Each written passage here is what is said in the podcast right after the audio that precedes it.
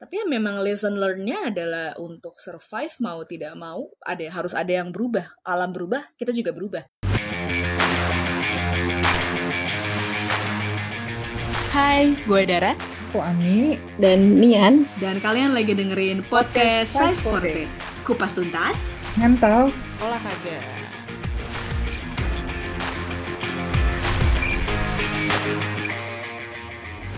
Suara baru nih. iya nih. Halo sobi-sobi semuanya, apa kabar nih? Di episode kali ini ketemu lagi sama suaranya Nian.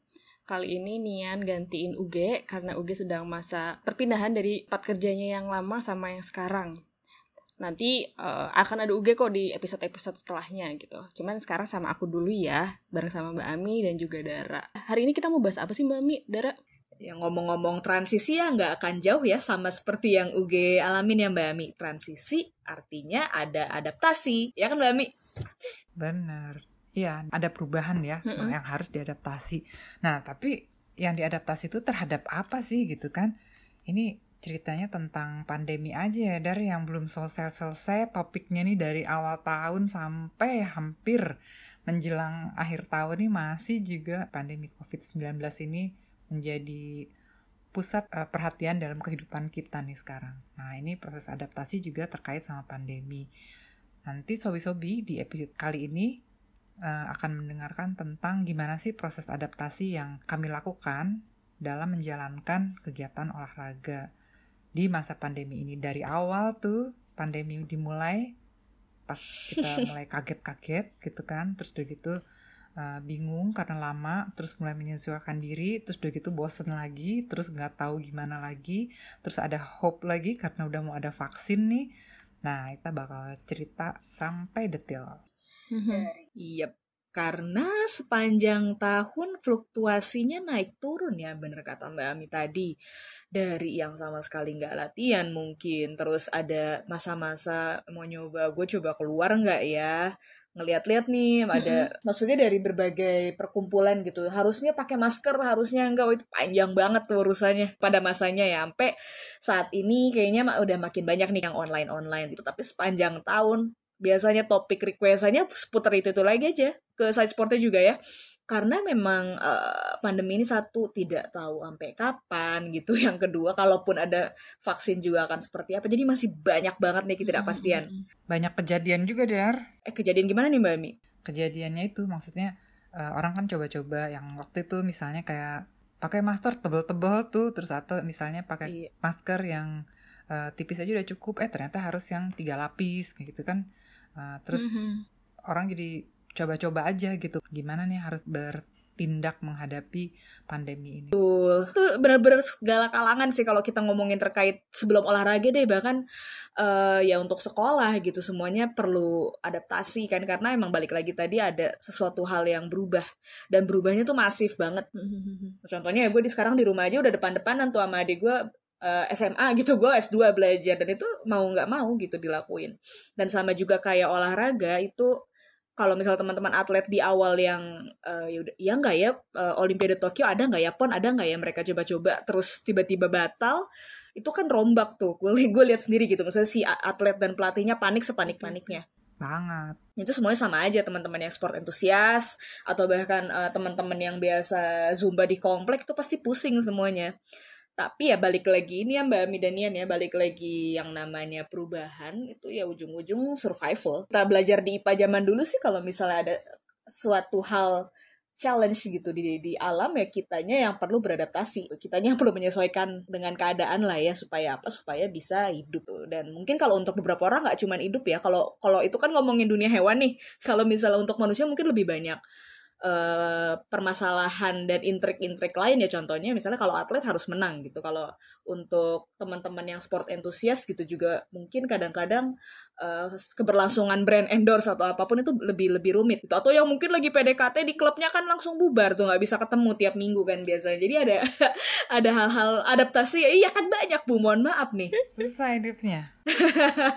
Susah harus ganti strategi lagi udah nggak susah tuh Iya, maka dari itu tetap perlu adaptasi yang yang gue rasa perlu dibahas sih dari yang new normal sampai sekarang udah kagak tahu udah ini new, new normal atau apa gitu ya. Tapi ya memang lesson learn-nya adalah untuk survive mau tidak mau ada harus ada yang berubah. Alam berubah, kita juga berubah. Kita bahas dulu tentang ini, apa efeknya ke kita sendiri itu sebenarnya apa sih? Boleh, boleh. Hmm, boleh. Aku mah stres sih ke diri sendiri. Hmm, iya, itu juga berasa sama kayak kesel-kesel sendiri gitu tapi ke diri sendiri kalau aku kayak mm -hmm. kok jadi ya lo kok nggak gerak-gerak sih gue gitu. Kalau aku bingung ya aku bingung. Lebih lebih ke arah bingung kan.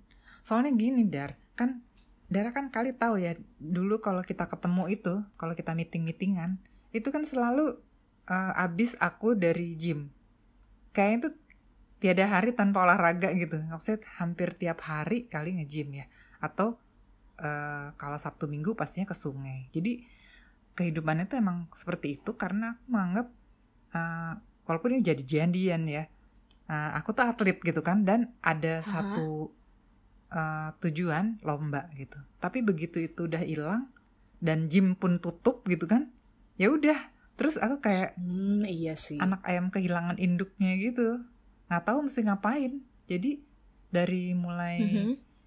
uh, masih coba-coba untuk olahraga sendiri terus akhirnya yang kayak nggak ada hope gitu nggak tahu kapan ini gitu kan tadinya berharap Agustus kan dari waktu itu tuh dari Maret sampai Agustus gitu kan eh ternyata Agustus juga lewat gitu udah. Nggak tahu kapan lagi gitu jadi ya udah nggak nggak olahraga terus sedih-sedih terus udah gitu mau coba olahraga lagi.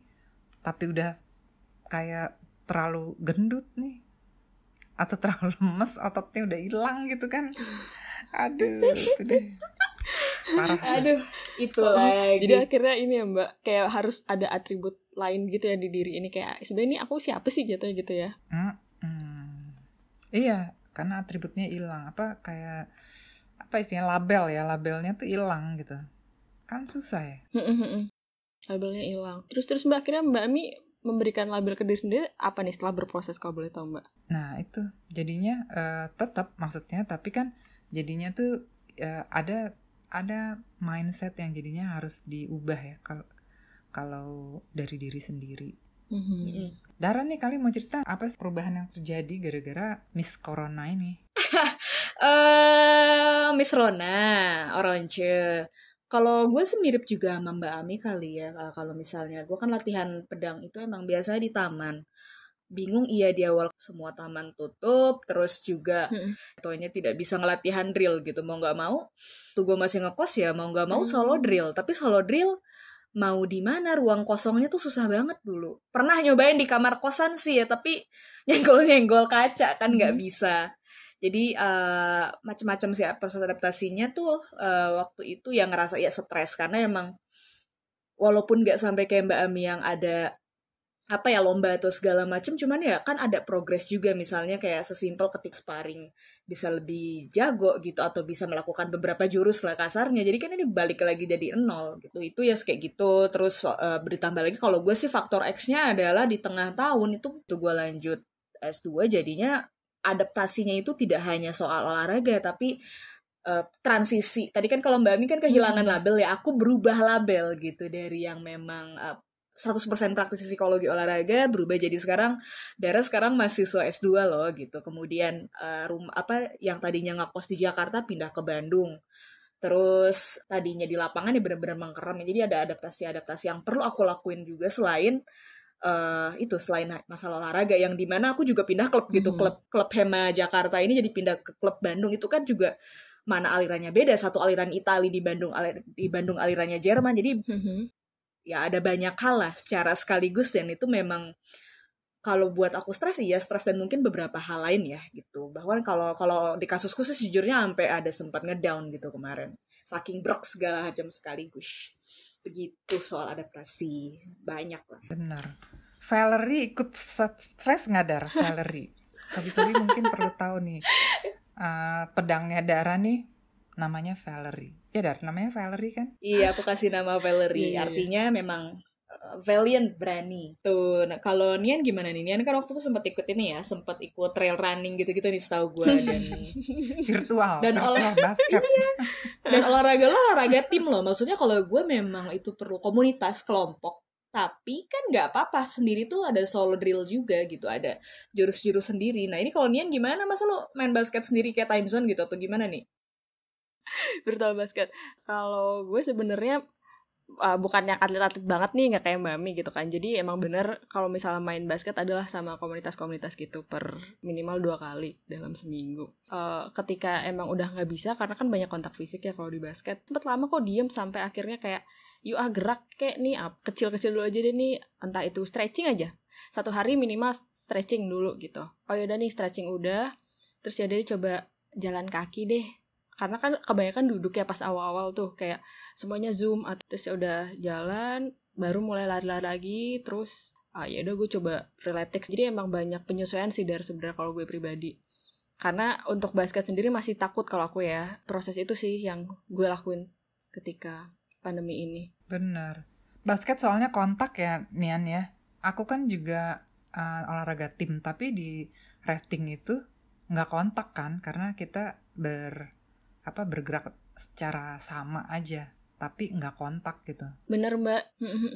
Nah ini kan basket ya bolanya teh dari tangan orang lain gitu, terus mau nggak mau uh, face to face kan untuk ketika lagi uh, offense atau defense-nya. Jadi kayak waduh itu cukup ini sih sulit teman-teman komunitas pun akhirnya coba kayak tadi yang Mbak Mi bilang tuh Zumba online nih pakai Zoom kayak atau apa kayak sempat berjalan berapa minggu gitu tapi aku nggak ikut sih karena harus kerudungan dan sebagainya jadi agak mager hmm. maaf ya kemageran ini. Terus ya udah jadinya memilih diam. Dari situ hal yang aku dapat salah hmm. satunya kayak yaudah deh terus aja coba gitu. Dan kalau mulai dari nol lagi nggak masalah deh. Toh saat ini kan olahraganya bukan untuk kayak misalnya mbak Ami kan untuk membela satu tim ya mbak. Kalau aku kan emang hanya oh, untuk iya sehat nih intinya gitu. Jadi dicoba direset lagi. Oh ini tiba-tiba off lagi karena satu dan lain hal ulang lagi gitu-gitu aja sih yang terjadi Mm-hmm. Nah Mbak Mi, uh, jadi penasaran Mbak, gimana ya Mbak kalau misalnya konsep adaptasi ini di psikologi itu sendiri Mbak Mi? Iya, kalau ada tentang adaptasi nih, kan definisinya tuh uh, adaptasi itu adalah perubahan perilaku uh, untuk menghadapi situasi yang baru atau lingkungan yang baru ya. Nah, ada dua orang ahli nih yang membahas tentang adaptasi ini, namanya Helson sama Wolfield. Mudah-mudahan bacanya benar. Dia itu menjelaskan ada dua teknik dalam menghadapi perubahan. Yang satu namanya adaptasi, yang satu lagi namanya adjustment. Mm -hmm. Adaptation and adjustment gitu kan kalau bahasa Inggrisnya nih. Nah, kalau yang namanya adaptasi itu uh, yang berubah adalah atau penyesuaian yang terjadi adalah perilaku kita. Kitanya nih berarti individunya. Sedangkan kalau yang adjustment itu kita berusaha untuk menyesuaikan atau mengubah uh, atau memodifikasi ya lingkungannya Contohnya nih, kalau misalnya adaptasi, uh, kita misalnya menyesuaikan diri sama situasi yang mm -hmm. berubah ini. Kalau misalnya cuaca jadi dari dingin jadi panas, berarti kitanya tuh me mengganti baju yang lebih tipis misalnya. Atau uh, kayak misalnya ngadepin pandemi ini, kan tadinya takut gitu kan atau situasinya bingung. Ya coba kita apa sekarang saya yang diajarin tuh kayak mindfulness gitu ya. Kita coba meredakan stresnya gitu. jadi dari kitanya sendiri. Tapi kalau hmm. yang namanya adjustment kita coba mengubah lingkungannya sedemikian rupa. Seperti misalnya kayak uh, tadi misalnya kepan dari dingin ke panas terus kepanasan mungkin dia buka jendelanya atau pasang kipas gitu. Nah kalau di olahraga kayak tadi tuh misalnya situasi olahraganya yang kita rubah gitu ganti olahraga misalnya atau mengubah cara berolahraganya yang tadinya dari real misalnya jadi virtual. Nah, itu salah satunya. Oh, ini juga ya Mbak Mia kayak beberapa orang yang nge-gym kan waktu awal-awal akhirnya akhirnya pada beli dumbbell, ada yang beli pull up bar kayak gitu-gitu nggak sih? Jadi suasana gym itu yang dibawa ke rumah. Benar. Iya, pada beli yang kayak gitu-gitu ya atau misalnya kayak yang nggak bisa beli sama sekali paling nggak itu apa beli matras yoga. Terus dia bisa ini deh apa menggunakan badannya sendiri untuk ban. Bagian ini tuh yang diceng-cenginya yang kasihan tuh anak renang, Mbak. Itu gue ngakak banget sih, iya. banyak banget meme-nya nggak bisa kan kolam renang dibawainnya, kecuali dimain di bak mandi kali. Benangnya di baskom. Tapi kan ya mungkin diadaptasinya hmm, dia pelatihan yang lain dulu kali ya kan misalnya bisa strengthening gitu-gitu itu kan adjustment ya sebenarnya sama aku juga. Sungai itu bagaimana memindahkan sungai ke rumah ya? Paling pakai sapu deh tuh airnya. Oh iya kalau mbak Mi gimana tuh? Iya tuh susah banget emang. Susah susah. Kalau makanya kami tuh tim aku tuh kehilangan banget uh, apa ke kelekatan ya kelekatan kami sama sungai. Karena kan kita jauh nih. Mau ke sungai itu harus ke Citarik. Kami biasa berlatih di Citarik kan di Sukabumi nah itu jadi susah uh -uh. jadi nggak ada ya kayak temen-temen renang jadi nggak ada apa nggak ada persentuhan lagi sama alat olahraga kita. Hmm, iya iya iya iya iya. Dara nih kali masih bisa ya, Dar? Kalau aku antara jadi solo drill, cuman ibu kos tuh yang marah. kan begitu kalau udah di Bandung mah udah lumayan ya karena kan ada lapangan apa sih kayak halaman belakang rumah tuh agak aku sulap tuh. Jadi uh, itu jadi ada aku kan punya tongkat ini ya rotan tongkat rotannya itu diselipin ke tempat jemuran terus atasannya ditaruh fencing mask. Jadi aku mainnya visualisasi seolah-olah itu lawan aku. Itu bisa jadi emang di itu adjustment sih kalau misalnya setelah dipikir-pikir ya. Jadi seolah-olah si tongkat rotan dengan fencing mask di tempat jemuran itu uh, aku bayangkan sebagai uh, lawan sparring. Itu kan agak konyol gitu sebenarnya kalau direkam gitu. Aku pernah ngerekam terus temanku komentar dan itu belakang lo BH ya? Iya BH yang penting kan gue bisa latihan. Emang lu gituin. Itu sebuah adjustment sebenarnya. Tapi ya tidak sampai sepusing Mbak Ami. In a way baru-baru nemu win-winnya tuh cukup lama kok. Uh, maksudnya berproses juga kali ya kalau misalnya di kasusnya gue kan tadi uh, mungkin ada beberapa teman juga yang ngalamin ya bahwa adaptasi itu tidak cuma di bagian olahraga aja tapi beberapa hal mungkin sekaligus. Dan seperti yang gue cerita di awal tadi beneran bikin ngedrop ya sesungguhnya sampai gue agak ya lumayan lah ada sekitaran berapa bulan di beberapa bulan emang sama sekali. Ketika di Bandung ya gue balik Bandung tuh September masih sempat aktif juga bener-bener workoutnya. Asik lah pokoknya udah ada jadwal ikut klub Bandung juga ada kardio segala macem apalagi udah punya tanda kutip home gym gitu ya. Tanda kutip jemuran gym.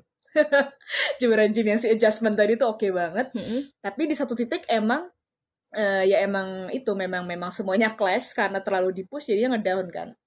Nah baliknya lagi gimana tuh lumayan berproses sih setelah kayak mm -hmm. sekitar dua bulan deh sekarang. Aku sempat ngilang banget lah kalau boleh cerita dikit dan memang aku seeking help gitu. Sampai pelan-pelan tuh naik jadi emang nggak bisa sekaligus. Mungkin yang tadi juga paham kali ya mulai dari nol tapi kalau buat di kasusku memang mulai dari nol itu dalam beberapa hal. Dalam artian memang uh, cuma di olahraga juga. Hal-hal kecil sih misalnya mulai ngontak orang tuh satu-satu dulu sebelum ke grup gitu. Nah kalau di bidang olahraganya uh, eh, gue nggak langsung balik ke wah bu latihan gitu. Ke kalau dalam hal pedangan atau langsung bisa uh, drill lagi di rumah enggak tapi akhirnya kalau buat kasusnya gue emang kadang-kadang ya udahlah minimal uh, kuncinya gitu ini kalau gue sharing juga terkait dengan mental health supaya feel uh, supaya feeling better minimal gerak gitu dalam artian jalan kaki dulu lah atau kalau ini kan adaptasi ya jadi uh, seenggaknya kalau gue sih berpikir yang penting tetap drill pedang gitu tapi seminggu sekali. Karena aku belum nyaman karena gue belum nyaman di rumah akhirnya gue uh, ke gym gitu. Salah satu gym Bandung memang udah ada protokol khususnya dan itu cukup aman. Di situ gue bodo amat mm -hmm. latihan orang tapi gue latihan pedang at least seminggu sekali seminggu sekali. Nah itu emang bener-bener bertahap banget sih nggak nggak memaksakan gitu tidak memaksakan. Terus cara lain yang gue itu adaptasi juga ya maksudnya karena karena belum nyaman di rumah akhirnya gue beradaptasi berpindah tempat gitu. Ini menurut teman-teman menurut kalian lebih ke adjustment atau adaptasi ya? Tapi gue pindah tempat aja. Adjustment. Lebih adjustment ya? Iya adjustment tuh kali ya karena lingkungannya tuh dirubah. Betul karena memang belum bisa memungkinkan di satu tempat ya gue pindah ke yang lain di mana itu lebih netral secara psikologis gitu. Nah uh, itu awal-awal terus di satu titik ya pelan-pelan sih di satu titik akhirnya gue memikirkan kayaknya ada olahraga lain gak ya yang mungkin gue dulu senangi gitu atau yang belum kesampaian. Nah jadi dari gue tiba-tiba keinget dari kecil memang suka naik kuda Terus Bandung kan deket Lembang, ya udah that's it. Waktu kemarin pas ulang tahun gue menghadiahkan, mereward diri gue hadiah ulang tahun naik kuda gitu di Lembang lah ya beneran beneran riding class. Nah itu jadi titik balik sih. Jadi itu kan uh, balik lagi itu adalah adjustment berarti ya kalau misalnya memilih olahraga baru yang ternyata memang gue nyaman dan setelah itu jadinya uh, pelan-pelan jadi rutin tuh jadi dari yang satu kali seminggu jadi dua kali seminggu kan sekali pedang sekali kuda gitu ya udah sampai pelan-pelan rutin hmm. gitu yang penting ada dulu yang penting gerak dulu sampai sekarang baru berapa hari ya?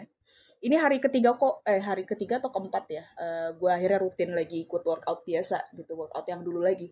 Cuman uh, adaptasi ini nggak bisa dipaksa sih sobi-sobi. Kalau memang baru bisa segitu ya nggak apa-apa be kind to yourself sih. Terutama mungkin buat kalian-kalian yang memang ada faktor-faktor uh, X lah ya dalam artian adaptasinya beberapa hal sekaligus gitu. Karena kan emang pandemi ini wajar sih kalau kalian memang struggling ya. Karena emang berubahnya masif sekali tuh jadi uh, penting sih untuk supaya sehat secara fisik ya mental juga. Jadi bener-bener be kind to yourself kalau emang mulai dari nol ya nggak apa-apa. Kalau sekarang baru bisa sekali seminggu juga nggak apa-apa. Yang penting enjoy dulu. Kalau yang gue pelajarin ya selama setahun ini up and down uh, sempet rutin terus nol lagi nggak apa-apa tapi yang penting lo nya happy dulu pilih satu hal aja satu olahraga yang bikin kalian seneng gitu bukan cuma ngikut-ngikut doang atau terpaksa ntar lama-lama ini kok uh, kalau dari contoh gue sih lama-lama jadinya terbiasa adaptasinya jadi balik lagi rutin tanpa nggak terpaksa gitu Iya, dan disesuaikan sama kondisi diri sendiri juga ya, Bu.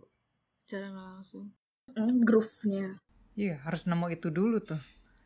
Kalau di tim kami, tim raftingnya aku tuh, kami juga mengejas, mengejas uh, kegiatan olahraganya dengan memindahkan dari sungai ke danau. Jadi karena yang mau dipelajari itu atau dikuatkan itu kan ritmenya aja dulu. Nah ritme itu jadi bukan teknik mengarungnya, tapi ritme dayungnya aja dulu. Nah ritme dayung eh, nggak uh, terlalu nggak perlu air yang berarus jadi cukup di danau karena danau juga ternyata kemarin dicobain tuh ada arusnya. Jadi lumayan lah ada sedikit gitu arusnya. Tapi yang utama kami jadi bisa belajar um, ritme dayungan. Terus ada yang baru-baru juga kemarin jadi bisa berlatih juga ikut ikut berlatih juga maksudnya dia mulai belajar menguasai teknik dayungnya. Jadi dari sungai dipindahin ke danau. Mm -hmm. Eh, tapi menarik ya. Berarti kuncinya di ritme dulu ya. Maksudnya menemukan kembali ritme. Dibandingkan kayak terpaku ke oh, gue harus begini begini begini seperti seolah-olah uh, apa ya aku bilangnya. Hmm, jadi lebih baik menemukan ritme groove-nya dulu, in the zone dulu, senangnya dulu dibandingin lo maksain harus seperti ini. Oh, uh, kema ya ya ya nangkep nangkep nangkep. Kalau di tim rafting itu kalau di tim rating itu juga kemarin juga akhirnya kami melihat gitu ya di tim yang paling jago pun gitu di seluruh dunia itu yang cewek ya itu mereka belajar di kolam renang juga dar. Jadi yang memang karena situasinya seperti ini gitu kan akhirnya eh, kami memindahkan tempat latihannya dari sungai ke danau gitu Walaupun kalau yang tim Rusia itu karena mungkin winter ya. Kalau winter kan sungainya pada hilang tuh, beku. Jadi mereka latihannya di di kolam renang. Ya, itu kan berarti adjustment juga tuh ya. beku dong. Konian apa yang dilakuin ya? Ya itu tadi yang aku sempet cerita. Uh, karena emang basicnya badannya udah sering gerak. Jadi ketika nggak gerak pun kayak ngerasa aneh. Terus ya udah dengan coba-coba kayak eh, stretching dulu deh sehari. Terus ya udah udah mulai enak jalan kaki gitu-gitu sih. Sampai akhirnya cobain aplikasi yang ada di handphone Freeletics gitu ikutin programnya. Jadi emang belum sampai yang kalau Mbak Ami sama Dara kan uh, ada proses memindahkan olahraganya ke dalam atau ke situasi yang sedang dilaluin. Kalau aku lebih ke yaudah yuk apa yang bisa dilakuin dulu ya bu, dari aku sendiri deh. Tapi itu penting loh itu suatu mindset yang sebenarnya terkesan sederhana tapi penting banget untuk sekarang uh, apa ya kayak uh, lakuin apa yang kamu bisa dengan apa yang ada di sekeliling kamu yeah. Iya, itu itu aku pernah ngomong ke siapa ya lupa deh kayaknya ke salah satu klienku dulu deh uh, fokus kepada bukan fokus sorry mungkin lebih ke mindful tapi ada mm-hmm. tambahan mm -hmm. jadi kamu lakuin apa yang kamu bisa saat ini dengan memanfaatkan yang ada di sekeliling kamu kalau yang gue denger dari ceritanya Nian sih gitu ya adanya memang baru bisa jalan kaki ya udah. Terus adanya aplikasi ya udah dimanfaatin aplikasinya. Menurut gue itu keren sih nih iya. Nggak gampang soalnya mengubah mindset itu ya. Maksudnya kayak iya. aku dari tujuannya lomba gitu. Terus me mengubah jadi bukan lomba tapi survive gitu. Ya kan karena tim kami itu tim master ya. Jadi di atas usia 40 nah banyak juga yang udah di atas uh, eh, 55 ya. Yang mana itu kan masuk usia beresiko ya. Nah, sempat waktu itu ada isu uh, lomba untuk master tuh dihilangkan mengingat ada resiko dia apa resiko yang besar kalau misalnya uh, atletnya didatangkan gitu kan. Karena udah udah berusia semua. Jadi nah berarti kan hilang tuh kesempatan untuk jadi ikut lomba itu. Nah terus kan jadi apa gitu? Akhirnya mengubah mindsetnya aja bahwa kita tuh olahraga untuk tetap mempertahankan Simple apa istilah banget. kondisi badannya gitu atau lebih Betul. lebih ekstrim lagi untuk bisa survive sampai akhir pandemi Iya, benar-benar. Itu udah jadi kuncian banget ya mbak ya. Intinya survive dulu. Betul banget sih, kata kuncinya memang survive. Balik lagi ya, uh, alam berubah. Kalau lo mau survive, ya kitanya juga perlu berubah. Terlepas apakah ya mau beradaptasi atau yang dari dalam dirinya berubah, atau kitanya yang uh, agak kreatif nih. Jadi adjustment tadi di mana si lingkungannya diubah. Cuman yang gue tangkep, hal yang gue tangkep dari adaptasi dan adjustment itu adalah memang kita perlu untuk uh, manfaatin apa yang ada di saat ini gitu, apa yang bisa kamu lakukan saat ini dengan apa yang ada di sekeliling kamu. Itu sih kunci dari adaptasi dan adjustment ini. Supaya apa ya kalau misalnya jatuhnya mau survive ya kita kalau mau survive ya butuh sehat dong. Sehatnya secara fisik dan juga secara mental dua-duanya. Yap. Begitu. Iya bener banget tuh Dar. Jadi eh, hal penting nih jadinya dari diskusi ini kayaknya ini ya. Jadi semua orang itu kan mengalami perubahan ini dan harus melakukan adaptasi. Terus khususnya di bidang olahraga ya, jadi adaptasi cara latihannya. Terus eh, nggak ada yang sempurna, jadi orang juga coba-coba gitu. Dari awal kan berubah-berubah tuh. Terus yang kedua eh, ada sebenarnya cara-cara yang dapat dilakukan gitu kan sehingga kita jadi bisa memaknai adaptasi ini sebagai sesuatu yang positif artinya kita jadi uh, naik kelas gitu karena bisa menghadapi uh, situasi ini jadi survive gitu jadi punya kemampuan yang lain yang baru gitu ketika nanti selesai masa pandemi ini ada yang sesuatu yang kita dapetin Betul. Iya, Beb. Setuju banget. Kalau ngomongin evolusi ya kayaknya leluhur kita juga trial error ya zaman dulu teh supaya bisa survive sampai sekarang. So it's totally fine lah. It's totally fine kalau lo jatuh bangun jatuh bangun ya nggak apa-apa gitu. Toh yang penting balik lagi survive gitu dan kalau memang sobat gerak masih bisa gerak gitu walaupun sedikit hebat sih hebat banget. Eh maka dari itu ya kalau dari kami gitu dari saya sport tuh pengen banget dengerin kalau misalnya sobat-sobat ada cerita gitu ya salah satu proses adaptasi atau adjustment yang berhasil kamu lalui itu bisa banget di sharing lah ya terserah sih bisa melalui story gitu ngetek kami at saisporte.id atau yang nge-DM kami juga nggak apa-apa banget karena tadi dari cerita kami bertiga aja kayaknya udah macem-macem banget gitu ya dari apa Nian yang memang mengubah mindset, Mbak Ami yang akhirnya latihan di danau gitu, atau misalnya gue yang nemu olahraga baru dulu gitu, menggali ke dalam dulu itu kan udah berbeda-beda. Nah, kami nunggu banget kalau misalnya kalian ada yang mau sharing. Dan gue rasa ini bakal jadi kesempatan yang asik banget sih buat kalian sekalian refleksi karena kalau ngomongin tahun ini achievement kita adalah bisa survive sampai tahun akhir tahun 2020 itu udah luar biasa banget. banget tuh betul betul tetap survive Yoi. Sekaligus kami ucapkan selamat tahun baru. Yeay. Oke, jangan lupa untuk tetap gerak ya sob. Bye. Bye.